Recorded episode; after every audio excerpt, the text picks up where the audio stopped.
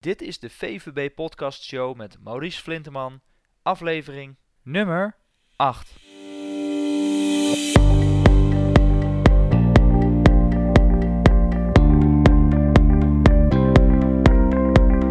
Welkom bij de VVB Podcast Show, waarin je luistert naar experts die je voorzien van de beste informatie, tips en tricks om het rendement op je vermogen te optimaliseren. Vandaag gaan we in gesprek met Mark Vijver. Mark is als beleggingsexpert actief en hij zit in verschillende beleggingscommissies, staat pensioenfondsen bij en is oprichter van eh, eveneens eh, Index People eh, Vermogensbeheer. Met 27 jaar ervaring kent hij de klappen van de zweep als geen ander. En ja, in dit gesprek gaan we het hebben over: kun je extra rendement halen op je vermogen met beleggen? En zo ja, hoe dan? Je krijgt het belangrijkste inzicht dat Mark heeft opgedaan in zijn werkzame leven. Plus een aantal andere hele belangrijke tips voor het eh, ja, efficiënt beheren van het vermogen. Of laten beheren van je vermogen zonder dat je daar te veel geld aan kwijt bent. Ik wens je heel veel luisterplezier. Goeiedag eh, Mark Vijver, welkom. Dankjewel. Nou, vandaag, eh, zoals al eerder aangegeven, gaan we het onderwerp extra rendement halen op je vermogen. Of met je vermogen eigenlijk.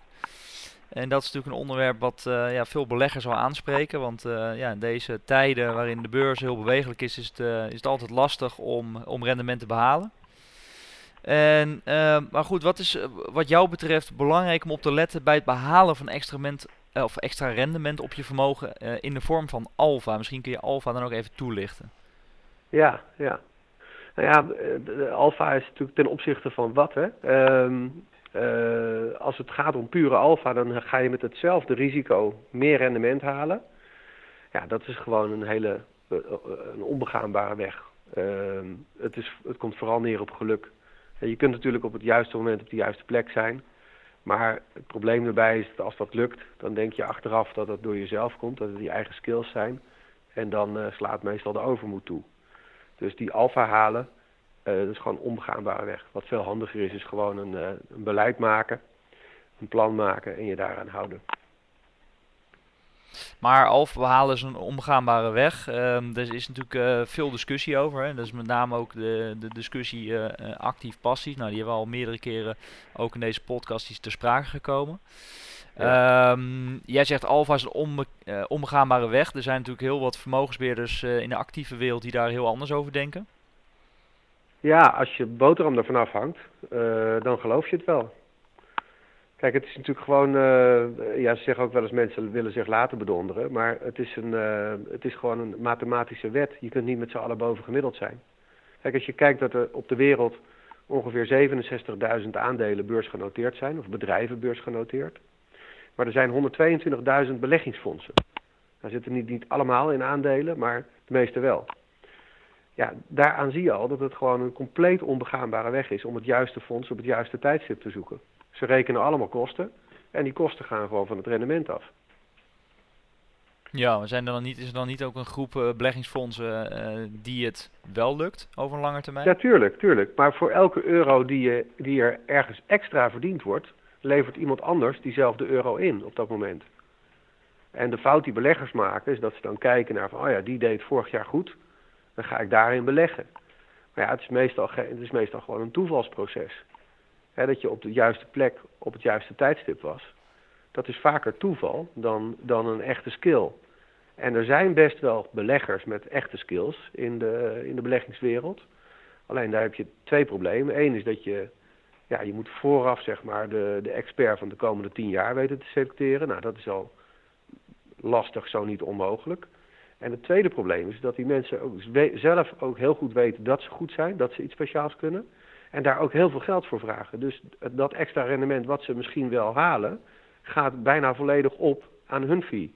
Dus je betaalt hun voor het extra rendement en zelf blijf je met volledig risico zitten. Dus dat, dat heeft uiteindelijk gewoon helemaal geen zin. Ja, dus als we kijken naar het onderwerp eh, hoe haal je extra rendement eh, met je vermogen, dan zeg je eigenlijk van nou ja, eh, het, het plan voor op, eh, eh, zeg maar opstellen is eigenlijk het allerbelangrijkste. Ja, als je kijkt naar het rendement wat je haalt over een bepaalde periode, dan komt dat voor meer dan 90% door, door je planning. Hè, van waar beleg ik in? En niet door uh, welk tijdstip en welke exacte titel. Hè? Of, of, je nou aandeel A of B hebt, of obligatie A of B. Of op welk moment je dat koopt of verkoopt. Op wat langere termijn gaat het uh, daar helemaal niet over. Het gaat er gewoon over van hoeveel procent zit ik in aandelen. Uh, dat zijn de beslissingen die ertoe doen. En dat is het plan wat je moet zien te maken voor jezelf. Van wat is haalbaar voor mezelf voor langere termijn. En niet wat vandaag is, of morgen, of gisteren. Maar gewoon een lange termijn in de gaten houden en daar een plan op maken. Dat is het enige wat werkt. Ja, dus uh, extra vermogen uh, of extra rendement behalen, um, ja, kun je eigenlijk alleen doen in de vorm van een plan en daarom vasthouden. Ja. En that's ja. it. Nou, ja, je kunt het ook zo zien. Uh, de gemiddelde belegger maakt veel te veel kosten. Dus het beter doen dan gemiddeld is heel simpel. Zo min mogelijk kosten maken.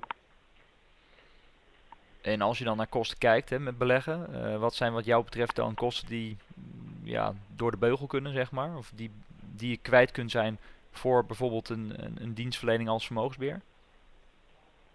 Nou ja, als het, als puur gaat over de dienstverlening van vermogensbeheer, uh, dan kan dat, uh, het is een beetje afhankelijk van wat voor type dienst je verlangt. Hè. Kijk, als je, als je verwacht dat mensen bij je thuiskomen en allerlei dingen voor je gaan organiseren buiten het vermogensbeheer en uh, fantastische rapportages komen toelichten, dat is natuurlijk een hele kostbare dienstverlening. Maar de dienstverlening aan zich, als je die uh, schaalbaar aanpakt, zoals we dat bij Index People doen, dan kan dat al van, uh, van, van 0,2, 0,3 procent per jaar, uh, kun je dan vermogensbeheerdiensten aanbieden. Dus dat is puur de dienst vermogensbeheer, waarin je de portefeuille samenstelt en op orde houdt en spreekt met de relatie van, ja, is dit een passende portefeuille, voel je hier comfortabel bij, hoe gaat het met je doelstellingen en dergelijke. Ja.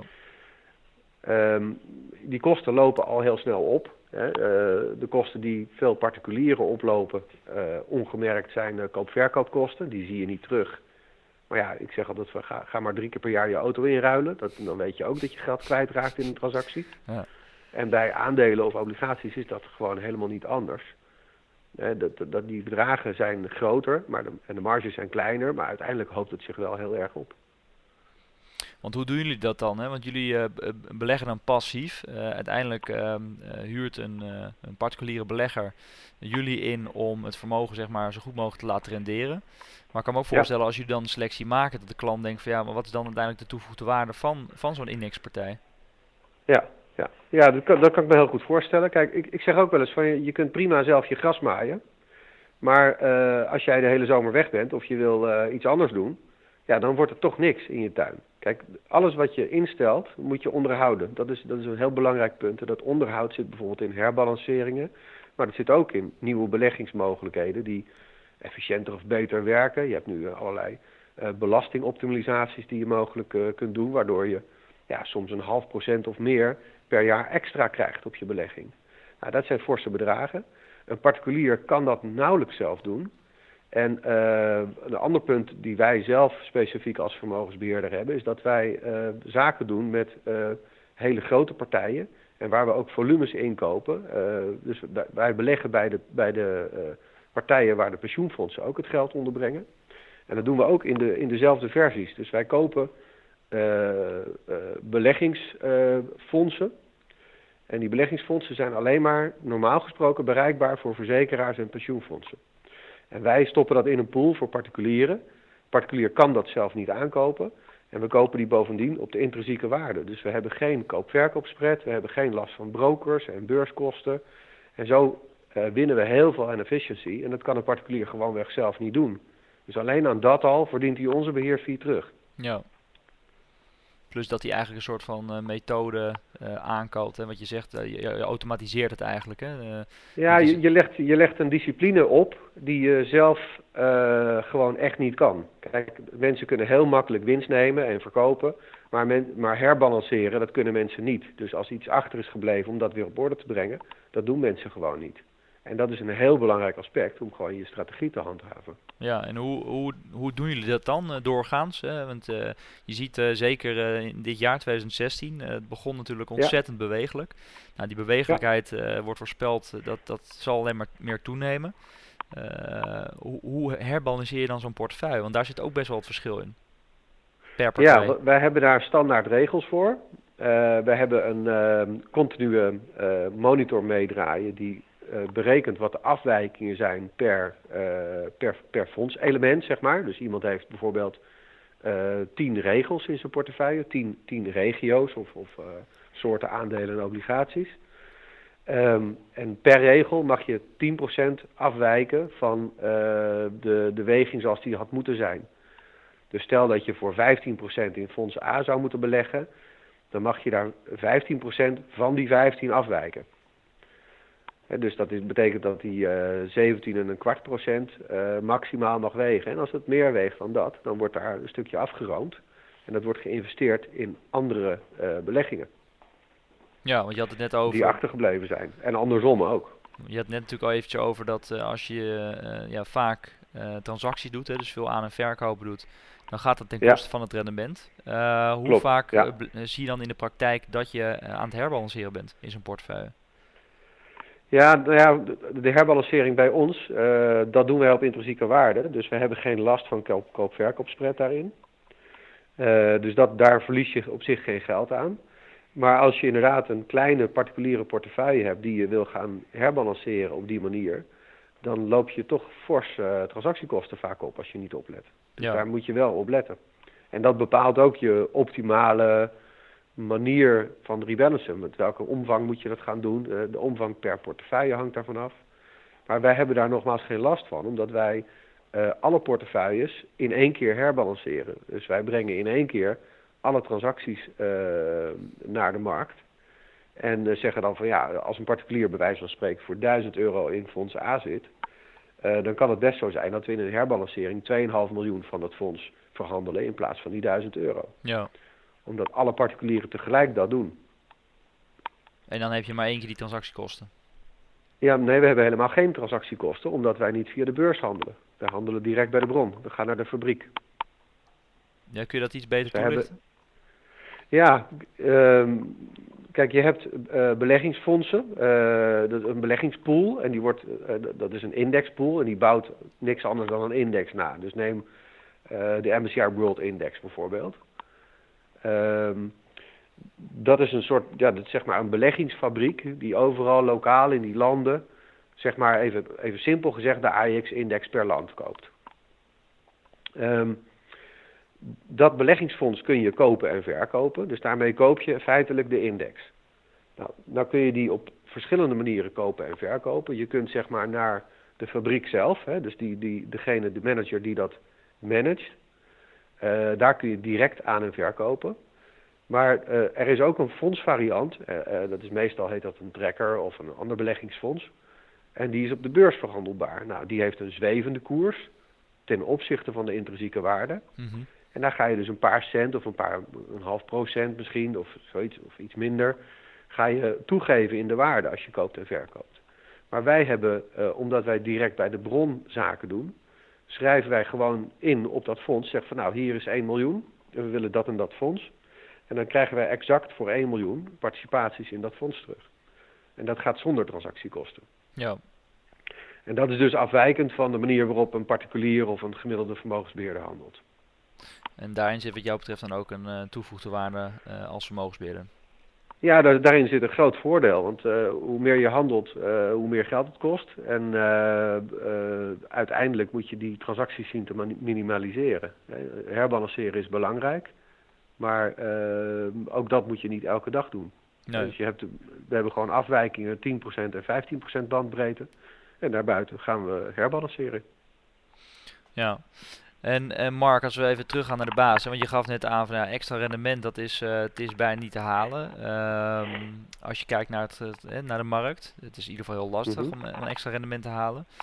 Um, toch uh, verliezen veel uh, ja, particuliere beleggers, hè, als ze op een gegeven moment aan het beleggen zijn, het risico wat uit het oog.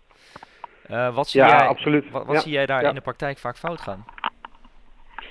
Nou ja, we zien gelukkig uh, wat minder, uh, uh, wij noemen ze TINA-beleggers. de TINA-belegger is, dat staat voor There is no alternative. Dus dat mensen zeggen van nou sparen levert niks op, dus ik ga beleggen. Ja, ik vind dat een ontzettend, ontzettend slechte reden. Um, want kijk, als je je geld binnenkort nodig hebt of ervan moet leven, dan moet je dus niet gaan beleggen. Dus er is een, er is een gedeelte van die beleggers die gaat beleggen, die gaat van spaargeld naar beleggingen, uh, omdat spaargeld niks oplevert, maar die hadden al lang moeten beleggen, dus die maken uiteindelijk een goede beslissing, omdat ze het lang niet nodig hebben, et cetera. Maar er is ook een groep die eigenlijk helemaal niet kan beleggen, omdat ze dat geld gewoon nodig hebben. Ze moeten dat intact houden. Uh, en die groep, ja, dat draait gewoon uit op een deceptie. Want die zitten risico's te nemen uh, met een korte termijn horizon. Omdat sparen niks oplevert. En dat is een hele slechte raadgever. En wat je ook ziet, is dat bijvoorbeeld beleggers uh, ja, uh, steeds opschuiven in het risico. Hè. Ze hadden vroeger een keurige obligatieportefeuille met redelijk veilige obligaties daarin. En ze zeggen van ja, ik wil toch uh, 3% halen of iets dergelijks, of 4%. En dan zie je ze opschuiven naar, uh, ja, dat noemen ze nu keurig high yield, maar dat heette vroeger junkbonds.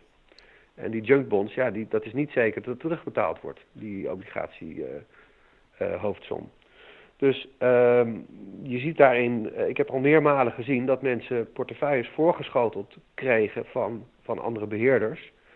Ehm, met het oog op een bepaald doelrendement die gewoon helemaal niet passen. Hè. Dus iemand van in de 80 jaar die in, in, in high-yield obligaties alleen maar belegt. En die had gezegd, ik vind aandelen te risicovol. Ja, dat kan gewoon niet en dat zie je wel gebeuren. Ja. En hoe kun je daar dan toch voor waken als, als, uh, als particulier belegger? Want uh, ja, dat, het, het gebeurt in de markt. Um, ja. Sommige ja. klanten die hebben natuurlijk ook een bepaalde rendementsdoelstelling waar ze aan moeten voldoen.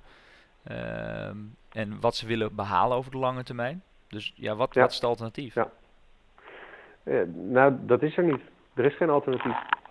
Kijk, als je naar beursgenoteerde beleggingen kijkt, dan heb je bijvoorbeeld op aandelen een, uh, een premie boven de risicovrije rente die je krijgt als belegger. Je brengt risicodragend vermogen in, in een onderneming, en dat wordt beloond met rendement. En dat rendement ligt ja, zeg maar even door de lange tijd, ik weet het exacte getal niet, maar het zal zo ongeveer 3,5% zijn boven de risicovrije rente. Ja, de risicovrije rente, ja, die was bijvoorbeeld uh, uh, 25 jaar terug, was die 8, 9%. Maar nu is die nog maar uh, 0,8% of, of nog lager. Dus die risicovrije rente is bijna nul en aandelen renderen daardoor ook lager. Dus je kunt wel hoog en laag springen van ik wil 7% op aandelen hebben, maar dat is gewoon simpelweg niet mogelijk. Dat past niet bij deze fase.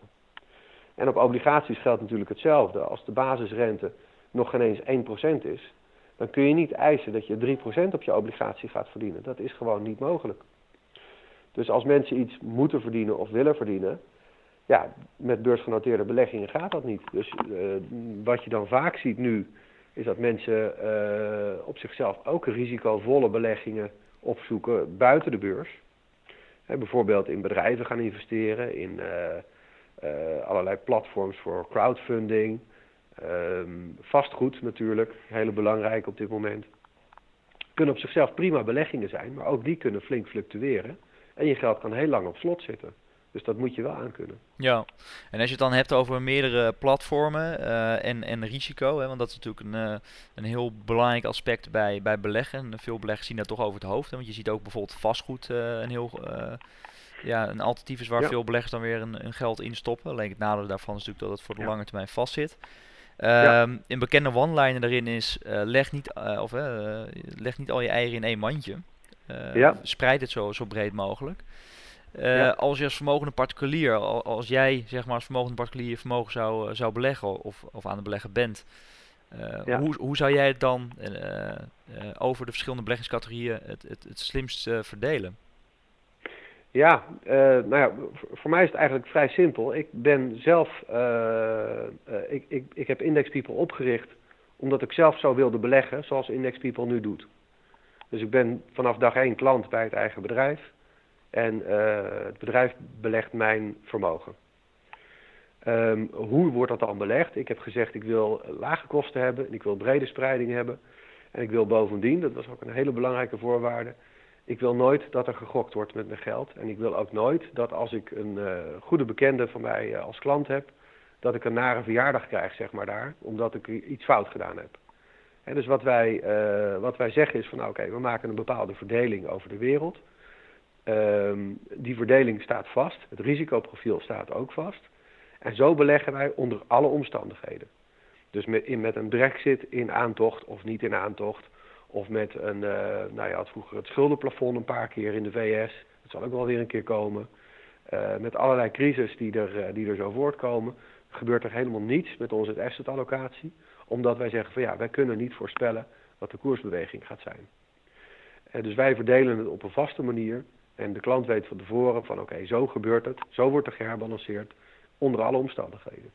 Ja, want uh, in een eerdere podcast heb ik daar uh, met Loege Schilder over gehad van, van Care Is. En zij zeggen van ja, je hebt, uh, je hebt een aantal obligaties en daar kun je wel degelijk een selectie op, op loslaten. Want er zijn obligaties op dit moment gewoon geen rendement of geen couponrente, zeg maar. tenminste geen couponrente, maar in ieder geval als je kijkt naar het rendement eigenlijk niks opleveren. En zelfs soms Ja, een negatief rendement geven. Ja, Eh, absoluut. Hoe, hoe Ja. ga je daar dan mee Ja. om? Want zij zeggen ja, ik, wij maken daar wel een selectie in, maar dat doen jullie dus niet. Nou, nee. Ja en nee, laat ik het zo zeggen. Eh, kijk, wij beleggen niet in obligaties die negatief renderen. Wij beleggen in een obligatiepool die juist heel breed eh, belegt, eh, zelfs over de hele wereld, maar dan gehedged naar euro. Dus van de, de ECB-rentepressie, zeg maar, hebben wij gewoon minder last, omdat wij ook in allerlei andere landen met hogere basisrentes beleggen, maar dan gehedged naar euro. Dus we hebben een obligatieportefeuille die wel degelijk iets oplevert. En eh, ik ben het met die andere meneer eens dat eh, er komen portefeuilles voorbij. Ik heb vanmiddag een, eh, een stichting hier op bezoek, of vertegenwoordiger van een stichting. En die vroeg, kijk even naar mijn portefeuille. En die heeft een portefeuille bij een, bij een bank. En dat is voornamelijk opgebouwd uit obligaties. En die obligaties die renderen min 0,4 procent. Ja, dat is dus niet zinnig om aan te houden als portefeuille. En eh, je ziet wel inderdaad heel vaak portefeuilles die zo ooit zijn ingesteld en dus niet onderhouden worden. Eh, met als gevolg dat er een negatieve rentestroom op is. En bovendien nog kosten overbetaald moeten worden. Dus dat is, dat noemen we altijd return-free risk. Dus alleen wel risico en geen return. Ja, maar als ik jou dus goed begrijp, maken jullie daar dus wel degelijk actieve keuzes in het sele nee, we maken selectieproces? geen actieve keus. Nee, we maken geen actieve keus. Eh, wij, wij zoeken gewoon de beste oplossing. Maar we gaan niet zeggen van nou ja, deze obligatie is te duur of te goedkoop. Wij gaan ervan uit dat alle assets goed geprijsd zijn. Maar we maken geen actieve keus. Maar dan eh, kan het voorkomen dat je dus ook een obligatie in je portefeuille hebt die op dat moment eh, een negatieve Nou, ik sluit het niet uit, want we hebben ongeveer, voor elke klant heeft ongeveer 4000 obligaties in zijn portefeuille. Ik weet alleen wat de gemiddelde kredietwaardigheid is en de gemiddelde rentevoet die daarop eh, betaald wordt. Ja, Dus, dus eh, ik sluit niet uit dat er een enkele negatieve rente tussen zal zitten. Maar ik weet dat overal dat de renteopbrengst zo en zo is. En de, en de duratie zo en zo is. En de kwaliteit eh, ja, dubbel A is van de obligaties. ja, Want dat is vooraf vastgesteld dat we het zo willen doen. ja, helder.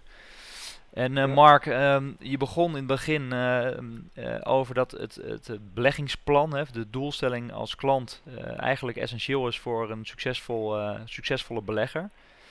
Ja. Kun jij drie belangrijke tips geven bij het, het, het opstellen van zo'n vermogensplan?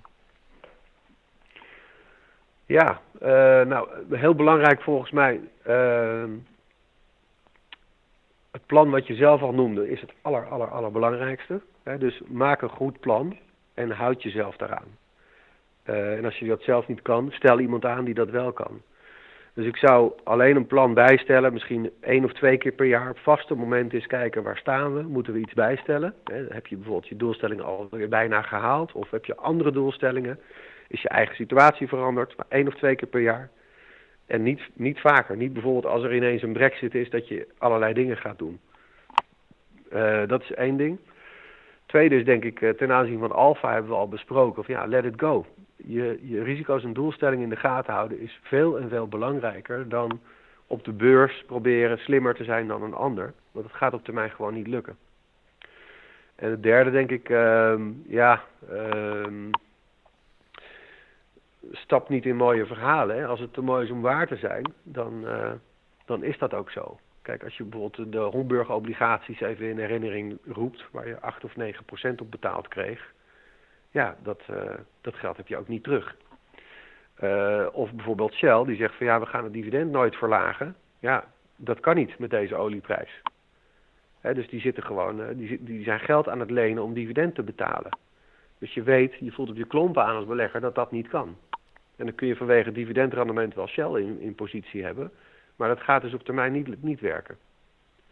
Dus uh, al dat soort keuzes, ja, uh, uh, neem afstand van die individuele keuzes voor een individuele titel of bedrijf of wat dan ook. En bekijk het gewoon op een algemeen plan. Het is eigenlijk heel simpel beleggen. Je, je moet een plan maken en dat plan moet je zien te realiseren. Rendement is wat de markt je geeft voor het risicodragend vermogen. En dat rendement uh, is er altijd. Niet bij elk bedrijf, niet elke dag. Maar over tijd is het er altijd. En dat rendement kan uh, vanwege de rentestand wat hoger en wat lager zijn. Of vanwege de economische groei. Maar beleggen is iets van langer termijn. Het gaat over cycli heen, het gaat over generaties heen. En zo zou je het moeten zien. Dus probeer dat heel statisch te bekijken. En probeer ver weg te blijven van zeg maar, het trading. Dat je met trading je geld gaat verdienen. Want dat is gewoon niet mogelijk. Ja, ja dat is uh, eigenlijk uh, de belangrijkste boodschap uit je verhaal uh, vandaag, denk ja. ik. Ja, dat, dat lijkt me wel, ja. ja het, is, het, het, klinkt heel aantrekkelijk en het is ook een leuke hobby. Maar ja, ik zeg altijd, hobby's mogen geld kosten. En er is een, de, de, relatie zeg maar, tussen het aantal transacties en, en de hoogte van het resultaat, die is ijzersterk. Hoe meer transacties je doet, hoe slechter je resultaat. Dat geldt voor elke particuliere belegger. Ja, helder uh, Mark. En uh, naast de tips uh, zijn wij ook altijd heel erg benieuwd naar uh, een inzicht of een belangrijke levensles die, ja, die jij in je werkzame leven tegen het lijf bent gelopen, die jouw ja, wereld destijds volledig op zijn kop heeft gezet. Kun je die met ons delen? Ja, op zijn kop heeft gezet. Nou, dat, ja. dat, zou ik zo niet direct weten. Maar wat er wel een hele belangrijke voor mij is, is van ja, waar ik heel veel aan gehad heb, is uh, wees leergierig. Uh, sta open voor andere inzichten. Ehm, als je iets. Ehm, ga niet op stokpaardjes zitten van ik doe het altijd zo of dit werkt altijd. Ik ben nu in jaar 27 van, van mijn werkzame leven in effecten. Dat is best al heel lang. En ik leer nog bijna elke week of elke dag misschien nog wel wat bij. En ik ben ook nog een van de weinige oud-marketmakers die nog steeds succesvol in de branche werkzaam is. Ik ben pensioenfondsbestuurder, ik adviseer beleggingscommissies. Uh, en ik ben daar uh, actief in en ik vind het ontzettend leuk om te doen. Maar dat is wel omdat ik leergierig ben. Dus sta open voor, voor inzichten, zou ik zeggen. En, wat ik is zou dan, zo niet weten wat mijn wereld op zijn kop gezet heeft. En als je dan kijkt, hè, want je, je, bent 27 jaar werkzaam, zeg je. Uh, je, hebt, uh, je, je, je hebt een belangrijke taak in het adviseren van ook grotere partijen zoals pensioenfonds en zo. Uh, ja. Wat is dan het, ja, de, de, de belangrijkste tips die je daar aan, aan zo'n partij eigenlijk altijd meegeeft? Of die je altijd weer voorbij ziet komen? Um, ja, ook voor pensioenfondsen geldt dat ze ehm, onvoldoende de inzicht hebben in wat er eigenlijk daaronder feitelijk gebeurt. Ze laten hun oor te veel hangen naar adviseurs, wat mij betreft. En die adviseurs hebben niet zelden een andere doelstelling dan uiteindelijk de, de mensen die aangesloten zijn bij het pensioenfonds, namelijk gewoon een goed pensioen. En zeg maar, het is, een soort, het is vaak een soort circus wat er omheen hangt, wat zichzelf in stand houdt. En dat zie je bij banken en dat zie je bij beleggingsfondsen en dat zie je bij allerhande anderen. En wij hebben altijd uh, de less is more bril op. Zo van, oké, als het niet echt nodig is, moeten we het niet doen. En uh, er zijn heel veel partijen die afhankelijk zijn van dingen wel doen, omdat dat geld oplevert. Er is veel meer te adviseren of meer te consulten of meer te controleren of wat dan ook. Er zijn allerlei partijen afhankelijk van dat soort werkzaamheden. En zullen ze dus ook nooit adviseren om het simpeler te maken. Ja. En ik denk dat dat uh, best mag veranderen. Hè? Dus die, die uh, tegenstelling, zeg maar, die belangentegenstelling, die is er nog steeds op heel veel vlakken. En dat geldt ook voor particulieren, in hoge mate voor particulieren zelfs. Hè, de, de, de, er zijn heel veel partijen die uh, beleggers willen doen laten geloven dat zij iets, eh, ja, de, de, de geheime saus hebben uitgevonden, waardoor je zomaar geld kunt creëren en dat je moet meedoen bij ze. En, eh, maar het zijn allemaal verhalen. Het is allemaal tijdelijk. Ja, en daar kom je dan als belegger later pas achter. Daar kom je later pas achter, ja. Dus eh, de, de meeste, eh, de heel veel klanten bij ons die bij ons beleggen, die eh, hebben al een aantal keer hun neus gestoten. En die hebben heel veel leergeld betaald. Ja, en dan de laatste tip die we eigenlijk geven, dat, dat kun je eigenlijk weer terugbrengen tot kosten. Eh, dus eh, hou de kosten laag. Spreid zo goed mogelijk. Kosten en, eh, zijn eh, negatieve inkomsten, hè? dus negatief beleggingsresultaat. Zie het zomaar. Dus als je het gewoon efficiënt inricht, en wij kunnen dat eigenlijk efficiënter dan een, dan een gemiddelde particulier het zelf kan doen. En bovendien nog eh, een stuk professioneler en met nul werk in feite. De particulier neemt één of twee keer per jaar contact op met ons en spreekt het door. Dat is alles. ja, En dat is een stuk professioneler en een stuk beter dan hij zelf kan doen. Met minder moeite. En dat, eh, dat helpt gewoon voor de resultaten. ja, waardoor je het ook op afstand kan houden en eh, kan doen wat, wat, Ja. je, wat je leuk vindt. Ja, precies. Want uiteindelijk is vermogen eh, natuurlijk bedoeld om vrijheid van keus te hebben. Hè, of je wel of niet heel veel tijd erin investeert, of je wel of niet op vakantie gaat. Hè, dat is de, de, het gevolg van het hebben van vermogen, dat je die keuzes kunt maken. En wat je vaak ziet is dat vermogen ook heel vaak bij mensen die veel vermogen hebben, dat het vermogen echt een last is. Omdat ze dus ja, ook wel op hun klompen aanvoelen dat er heel veel mensen ehm, eigenlijk op het vermogen uit zijn, simpel gezegd. Dat ze niemand kunnen vertrouwen en dat het maar moeilijk is om, om het goed te regelen en dergelijke. En dat ze het ook vaak niet snappen. En dus wij hebben ook voor, eh, wij werken bijvoorbeeld ook voor family offices en wij, eh, wij leiden daarin ook familieleden op. Dus wij gaan eh, ze bijpraten over hoe dat dan precies werkt en waar je op moet letten. Als je in gesprek bent met een andere beleggingsinstelling of bank of eh, welke vragen moet je eigenlijk stellen, waar moet je op letten en dergelijke. Ja, dat Ja. zijn belangrijke dingen. Eigenlijk hetzelfde wat, eh, wat wij daarin eh, doen bij eh, vermogende particulieren en Absoluut. Ja, En ja partijen. dat raakt heel erg jullie, jullie dienstverlening, die, ja, die heel waardevol is, denk ik, voor heel veel mensen. En, en waar, ehm, want dat is natuurlijk lastig en dan sluiten we ermee af, want anders dan wordt het een beetje te lang. Eh, we zitten alweer eh, over het half uur heen, eh, zie ik. Maar als laatste, want ja, dat is natuurlijk heel erg moeilijk. En je geeft net aan van ja, ik, ik ben zelf adviseur hè, op, op, op- bij grote partijen, maar wij leiden ook mensen op bij bijvoorbeeld family offices. Maar ja, dan moeten ze ook maar weer vanuit gaan dat, dat jij dan wel degene bent die het beste met ze voor heeft. En, en dat is natuurlijk altijd heel Ja. lastig om dat boven water te halen. Want ik denk dat je daar alleen maar achter komt over de lange termijn. Heb je daar nog goede, goede tips voor om daar een selectie in te maken? Ehm, ik zou ja, allereerst zeg maar de instelling bekijken waarvoor de persoon werkt, met wie je in zee wil gaan.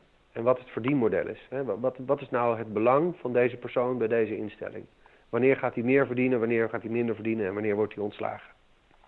Als je dat goed in beeld hebt, dan eh, weet je al heel veel meer over de uiteindelijke intenties. En dan is het natuurlijk ook nog, ja, eh, persoonlijkheid is natuurlijk een hele belangrijke factor. Als ik, eh, als ik eh, vraag aan klanten van ons van waarom ben je bij ons klant geworden, dan is het meestal van ja, ik ben op, bij jullie op kantoor geweest en het gaf een goed gevoel. Ja, En daarnaast zijn natuurlijk kostenaspecten en dergelijke, die spelen allemaal wel een rol. Maar het is ook heel vaak persoonlijk verhaal. En eigenlijk komt het erop neer dat je vertelt aan mensen van waarom doe je wat je doet. En als het, eh, als het over mij gaat. eh, ik werd door, door de Nederlandse bank bevraagd toen ik pensioenfondsbestuurder werd. Toen vroeg ze aan mij van ja, ehm, je doet dit niet voor het geld. Eh, waarom doe je dit? Toen zei ik ja, dat is eigenlijk heel eenvoudig. Dit pensioenfonds vroeg mij te solliciteren. Ik zie aan het pensioenfonds dat ze iemand nodig hebben met kennis van zaken, zoals ik. En iemand moet het doen. ja, En ja, dat zegt eigenlijk alles. ja. Nou ja, Dus precies. ik en, doe dat een aantal jaar en dan, eh, ja, dan is de volgende weer aan de beurt. Ja. Nou ja, en, en voorkom dus dat je inderdaad in de mooie verhalen trapt van iemand die, eh, die dus niet het beste met je voor heeft. Eh, want Ja, helaas lopen die er ook nog Ja. genoeg rond in, in deze markt. Ja, ja, Ja. absoluut.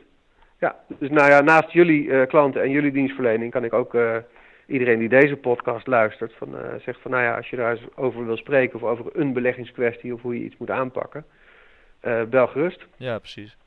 Dan kom je in ieder geval weer een stapje verder eh, daarin. Ja, Ja. absoluut. Ja. Leuke Mark, uh, hele zinvolle tips. Uh, het gesprek ging toch weer uh, net even de andere kant op dan, dan ik van tevoren had gedacht. maar goed, dat, ja, dat is juist leuk. Okay. Daar komen de mooiste gesprekken uit. In ieder geval hartstikke bedankt voor je tijd. Heel graag gedaan. En wellicht tot, tot een later moment. Oké, ja. dat is goed. Dankjewel. Okay. Dag Maurice, dag. fijne dag. Hoi.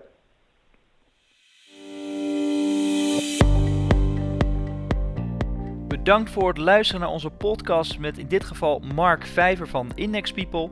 Ik nodig je uit als jij problemen hebt of je wilt meer weten over je beleggingsportefeuille die je op dit moment hebt. Ga dan naar onze website vuvb.nl slash beleggen.